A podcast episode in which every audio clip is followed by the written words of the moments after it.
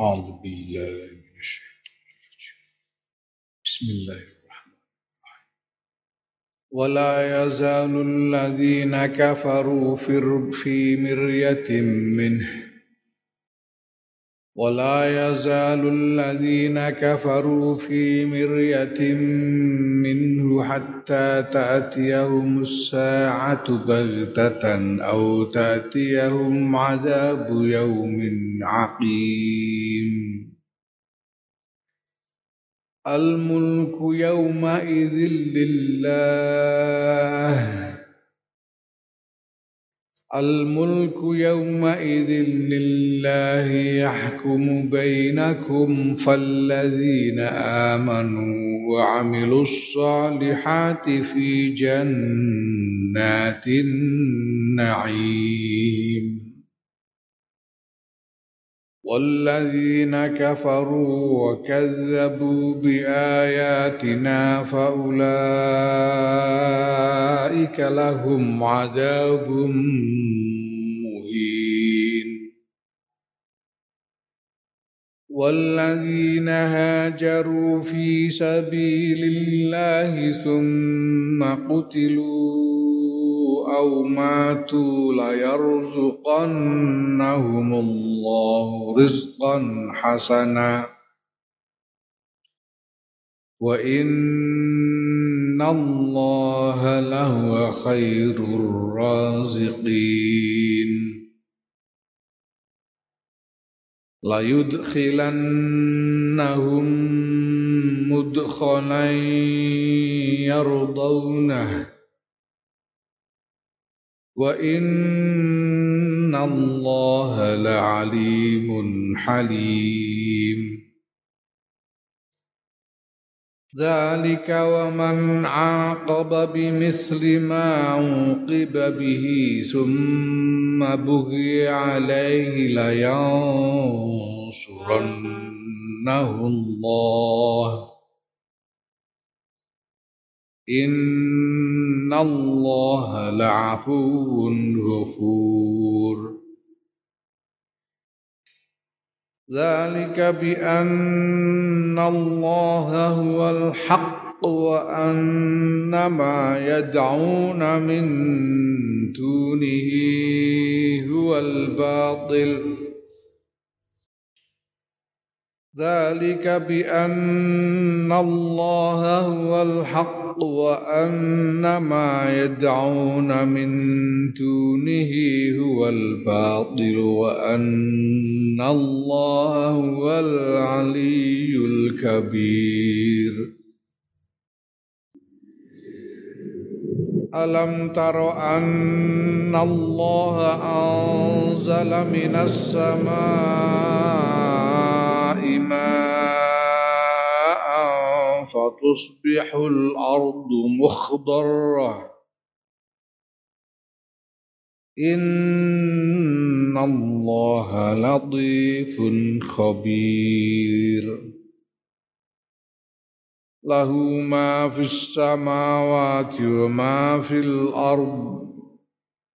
وإن الله لهو الغني الحميد.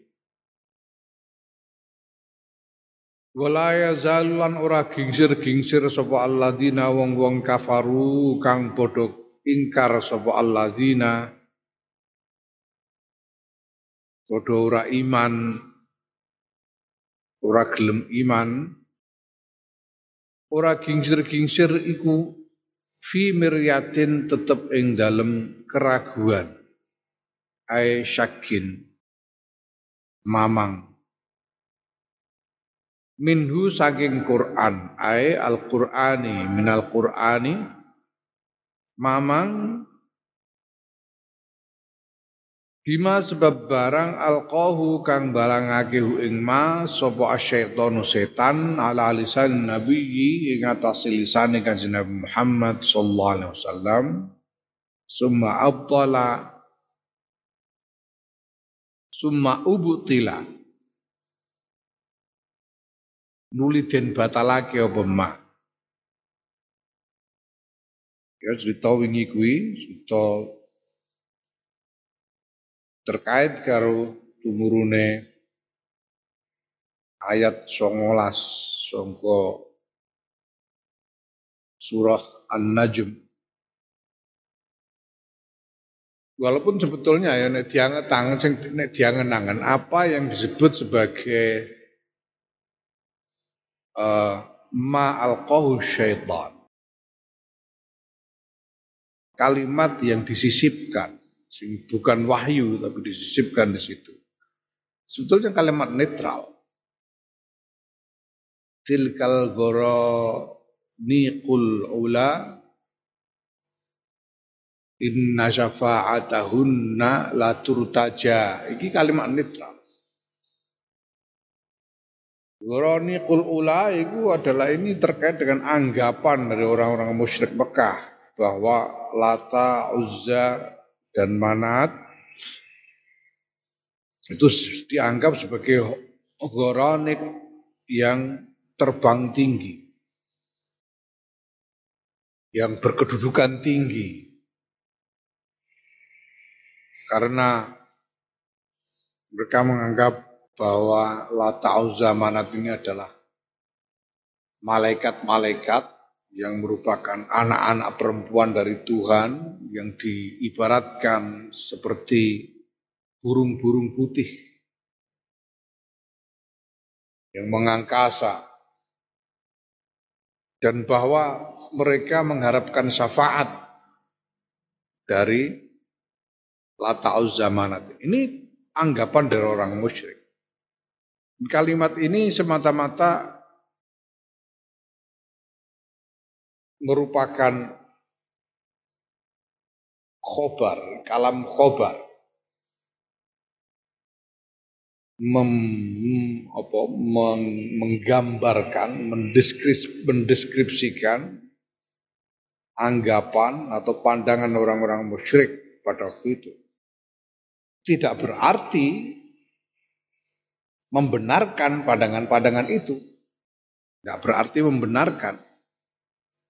Ya, hanya hanya menceritakan saja bagaimana orang-orang musyrik punya pandangan tentang lata uzzamanat.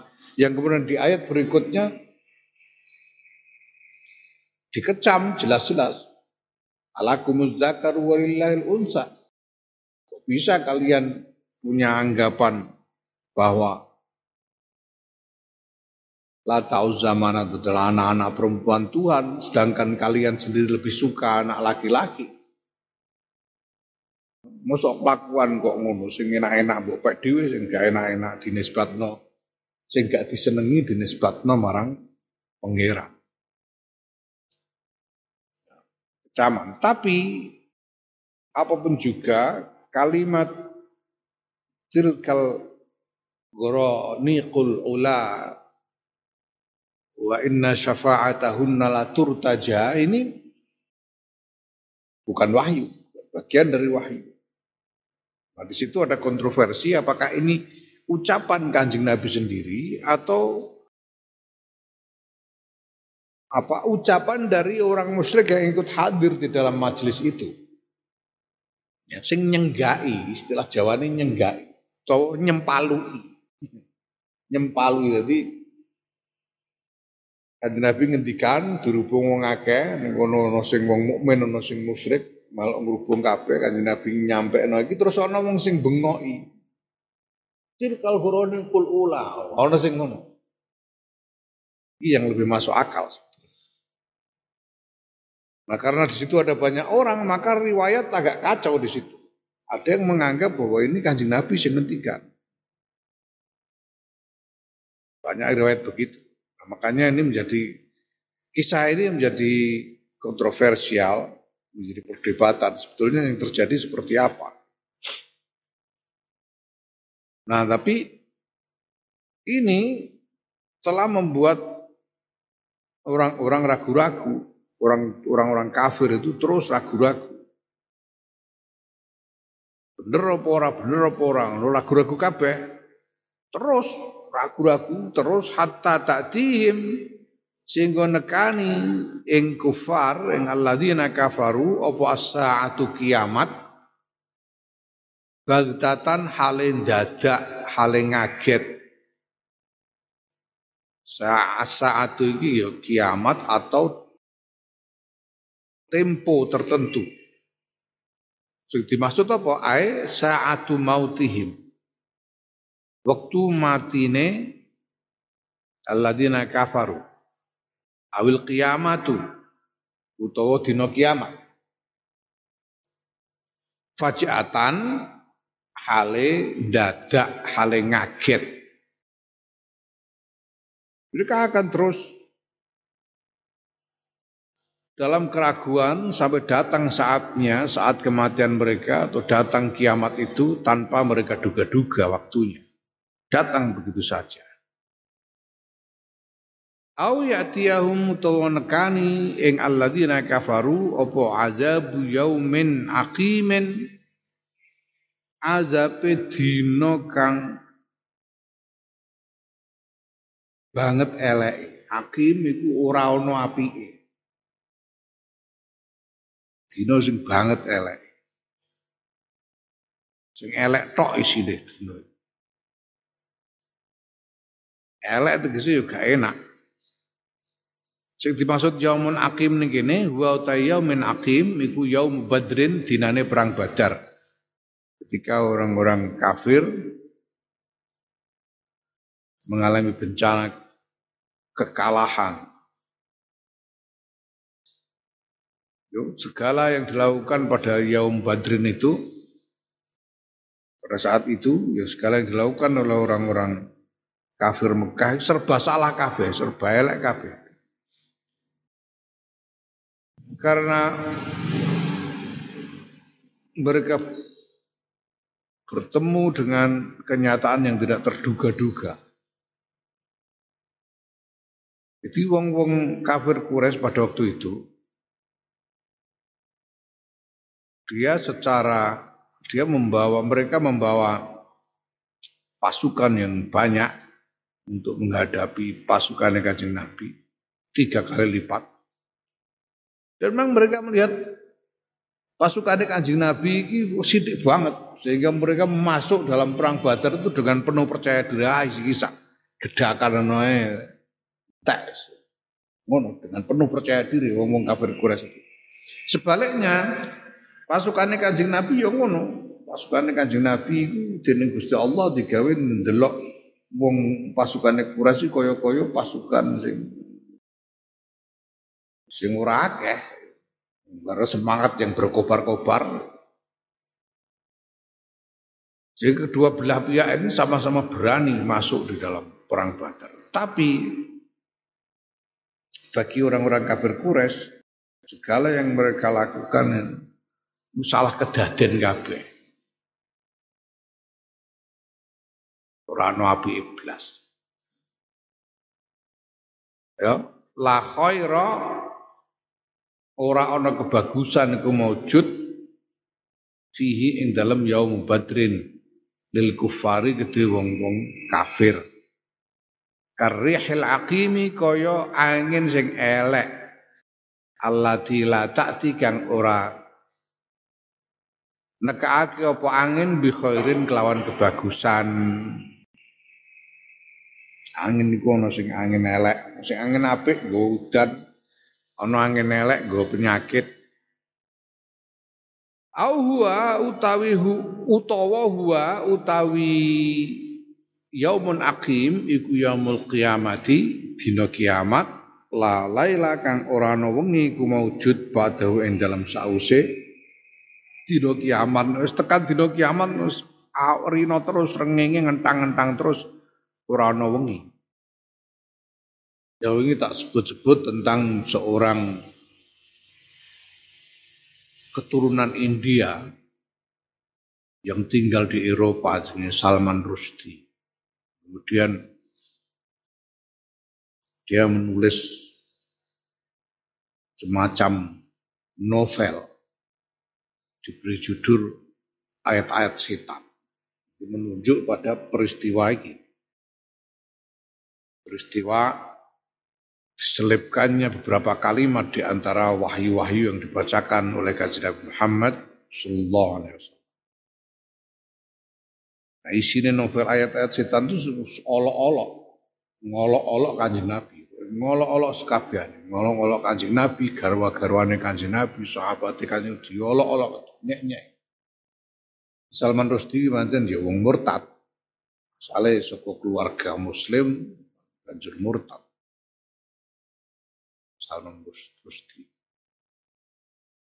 Jadi dia menggunakan menjadikan peristiwa ini peristiwa terselipkannya beberapa kalimat di antara wahyu-wahyu Allah ini sebagai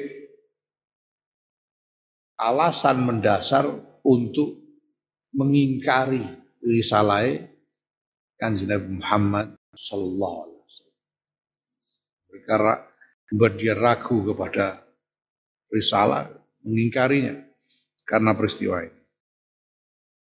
Wow, membangkitkan kemarahan yang luas ngantek Khomeini pada waktu itu pemimpin Iran men, men, apa jenis, mengumumkan sayembara untuk membunuh Salman Rushdie. Jadi hukuman, kemudian barang siapa mampu membunuh Salman Rushdie diberi hadiah oleh pemerintah Iran pada waktu itu. Wa amin Sehingga kemudian Salman Rushdie harus menghabiskan seluruh sisa hidupnya dalam persembunyian dan menghabiskan seluruh hartanya untuk membayar apa seringnya pasukan keamanan untuk membayar layanan keamanan untuk mengamankan diri saking takutnya dibunuh orang Salman Rushdie. Yang barbaran bisa ini boleh segera orang yang barbaran ya mati juga mesti matine menungso. Nah, ini menimbulkan masalah besar waktu itu. Ya. Sehingga hampir terjadi, hampir-hampir terjadi kekacauan karena kemarahan umat Islam. Pada waktu itu Gus Dur, Ki Abdurrahman Wahid, Ketua Umum PBNU, membuat pernyataan bahwa kita tidak perlu marah, novel tidak ada apa-apanya kata Gus. Saya sudah membaca berulang-ulang novel ini dan ini novel jelek ya, tidak ada pengaruhnya apa-apa. Isinya cuma olok-olok yang tanpa dasar. Dan dia menjadi terkenal justru karena dunia Islam marah. Kalau didiamkan saja tidak ada apa-apanya, tidak akan laku novel jelek.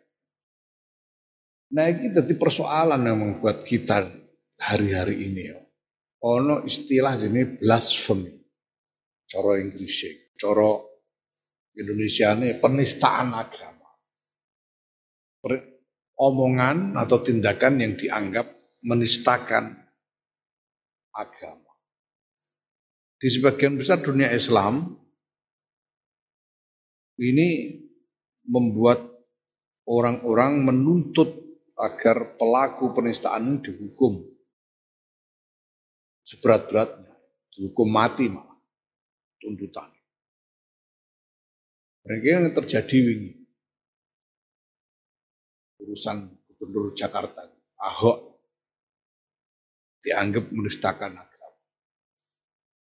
Mantek geger karuan akhirnya dipenjara rong tahun.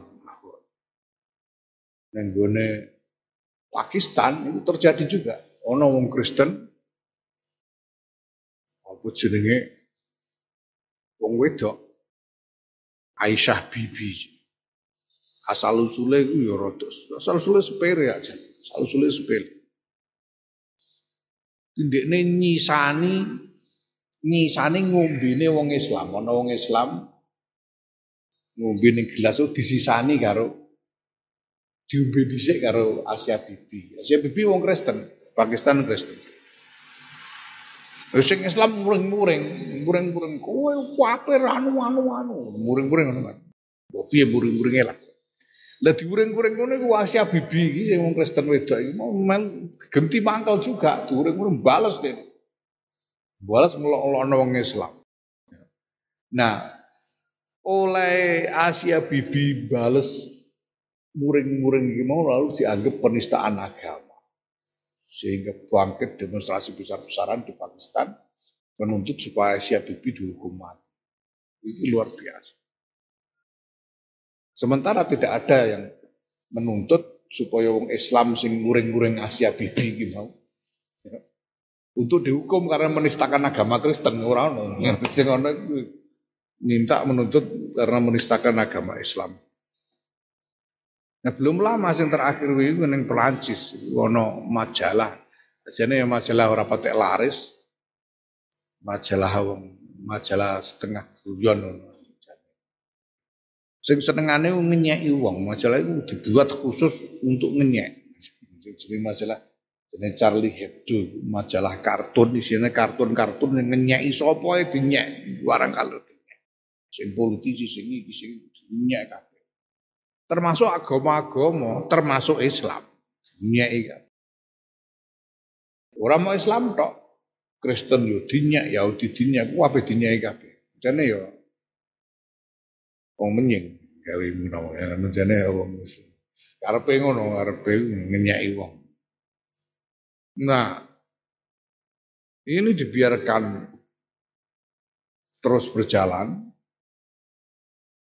majalah ini dibiarkan terus terbit dengan alasan kebebasan berbicara. Orang boleh berbicara apa saja, tentang apa saja, dipersilahkan. Sehingga dibiarkan terus terbit walaupun isinya mengolok-olok semua orang. Nah ini menjadi persoalan.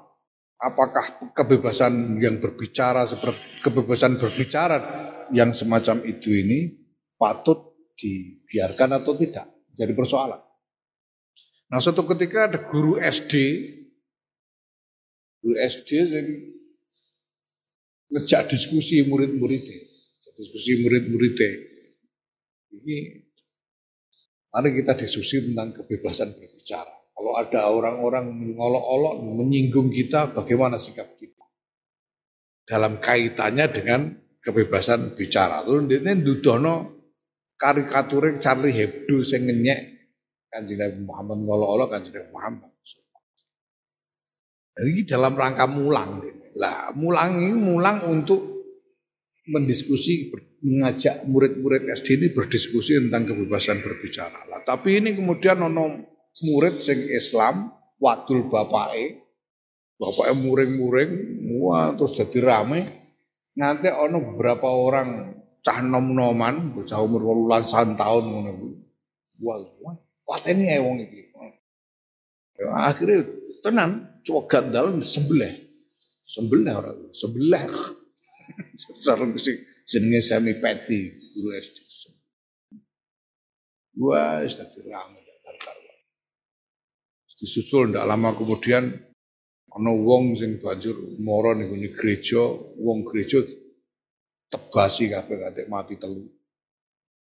Jelake ning gereja. Wis tidak karu-karuan. Padahal Charlie Hebdo iki jeneng Charlie Hebdo iki ngenyek sing dinyek ora mau Islam tok kabeh dinyek. Apa jenenge? Guru SD iki mau ora kok arep ngenyek Kanjeng Nabi ngono ya ora. Nudono iki Charlie Hebdo iki karepe kebebasan berbicara. Bagaimana kita harus menyikapi ini? Ngajak diskusi murid-murid SD tentang kebebasan berbicara. Sehingga kartun duduk guru SD ini. Guru SD ini cuma menunjukkan kartun itu sebagai contoh bahan diskusi. Sembelih. Nah, semua ini kan mereka lakukan bukan atas nama agama Kristen. Tapi kok ono wong ngamuk terus ngoron gereja wong Kristen ditebasi nganti mati telu. Iki ngamuk ini pancen jenenge wong ngamuk ini. Ora masuk akal. Nah ini di dalam dunia yang kita tempati hari ini. Dalam konteks kenyataan dunia yang ada sekarang ini. Ini akan terus menjadi kontroversi selama kita tidak menemukan penyikapan yang tepat tentang hal ini oleh semua pihak. Ada jurang yang menganga lebar antara wong-wong sekuler yang tidak punya respect terhadap agama apa pun dan orang-orang tradisional yang memang memegangi secara sungguh-sungguh tradisi keagamaannya. Nah, gini, tidak diselesaikan kalau tidak diselesaikan dengan dialog yang damai, dia akan berujung dengan kekacauan yang meluas seluruh dunia. Kacauan yang meluas. Bahaya. Dan sing wis iso mengatasi persoalan ini dan membangun budaya yang yang menjadikan kebal terhadap soal olok mengolok ini, itu Amerika. Mereka mengembangkan budaya untuk tidak peduli omongan orang. Orang mengolok-olok lu tidak usah dengarkan, nggak peduli. Yono, ono ungkapan dengan Amerika itu stick and stone can break my bones, but words can never hurt me. Kayu dan batu bisa menyakitiku, tapi kata-kata tidak akan pernah. Ya. Kayu dan batu bisa mematahkan tulangku, tapi kata-kata tidak akan pernah bisa menyakitiku. Jadi ngomong ngomong aja serasa peduli. Ora maksudnya ora dialog diskusi ya serasa dirungokno, rasa peduli. Nah Amerika ngono. Lagi ini cuek kae lolokno wis cuek. Wong wong muni biaya asal asal tidak menyakiti secara fisik gembar. Wong Jawa eh wong Jawa. Jawa itu ajining diri saka lati. Menjaga lidah. Ulangan Islam padha sing dijaga lidahnya. Bukan kupingnya yang dibuat kebal tapi lidahnya yang dijaga. Salamatul insan fi hifdzil lisan. Ini dua kutub yang harus didialogkan untuk menemukan konstruksi, menemukan cara hidup bersama di antara manusia yang berbeda-beda ini secara damai supaya tidak ada konflik. Nah bahwa wong-wong kafir kemudian podo terus menerus menjadikan ini sebagai masalah, sebagai alasan bagi mereka untuk mengingkari risalah kanjeng Muhammad sallallahu alaihi wasallam yaitu terakhir Indonesia terakhir. Dan Gusti Allah menjanjikan akan akan menjatuhkan hukuman kepada mereka pada saatnya. Pada waktu yang tidak mereka duga-duga. Jadi ya dia rasa cilik hati, ngono-ngono iku rasa cilik hati, rasa kecil hati, rasa cilik hati. Gusti Allah bakal balas al mulku tawi kekuasaan yauma idzin ing dalam dina iku ai yaumil qiyamati ing dalam dina kiamat iku lillahi tetep kagungan Gusti Allah wahdahu hale ijane Allah Yauma izin, yauma iz, yauma iku dorof, dorof zaman. Al mulku kuasaan yauma iz ing dalem dina iku. Iku lillahi tetep kaguane Gusti Allah lah. Yauma iz iku dorof mansub. Dorof iku mansub. Lah sing nasabake amil nasibe sing ndi? Sing nasabake dorof iku sing ndi? Mergo iki dzaraf di tengah-tengah e, mubtada khobar. Allah mubtada al mulku mubtada lillahi khobar. Tengah-tengahnya ono yauma idzin. Lan nasing nasabake yauma idzin iku apa? Ya wa mau ta barang tadmanuhu kang mengku Wa maut utai barang tatmanuhu kang mengkuhu ing ma. Apa minal istiqrari pernyataan iku nasibun. Cuma wa mau tae barang tadom manahu ya wa mau tae barang tadom manahu kang mengku. Ya kang mengku. Eh apa ma wa mau tae barang tadom manahu kang mengku apa ma? Hu ing al mulku lillah minal istiqrari bayane saking ikrar bayane saking pernyataan iku nasibun dadi ngambil nasib lidzarfi kedue zorof ya jadi al mulku lillah iku pernyataan.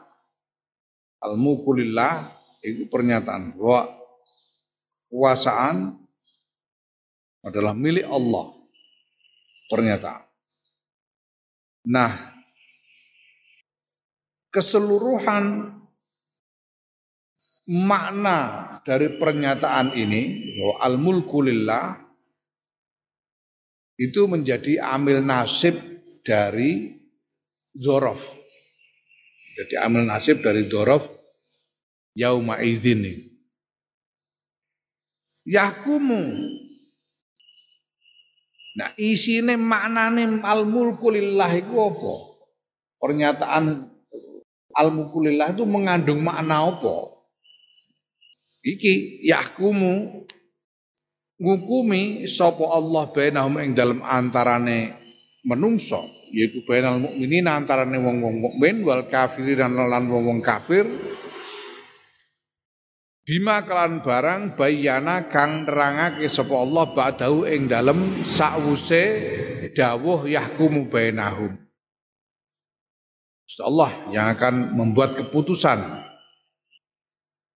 di antara orang-orang mukmin dan orang kafir. Apa keputusannya?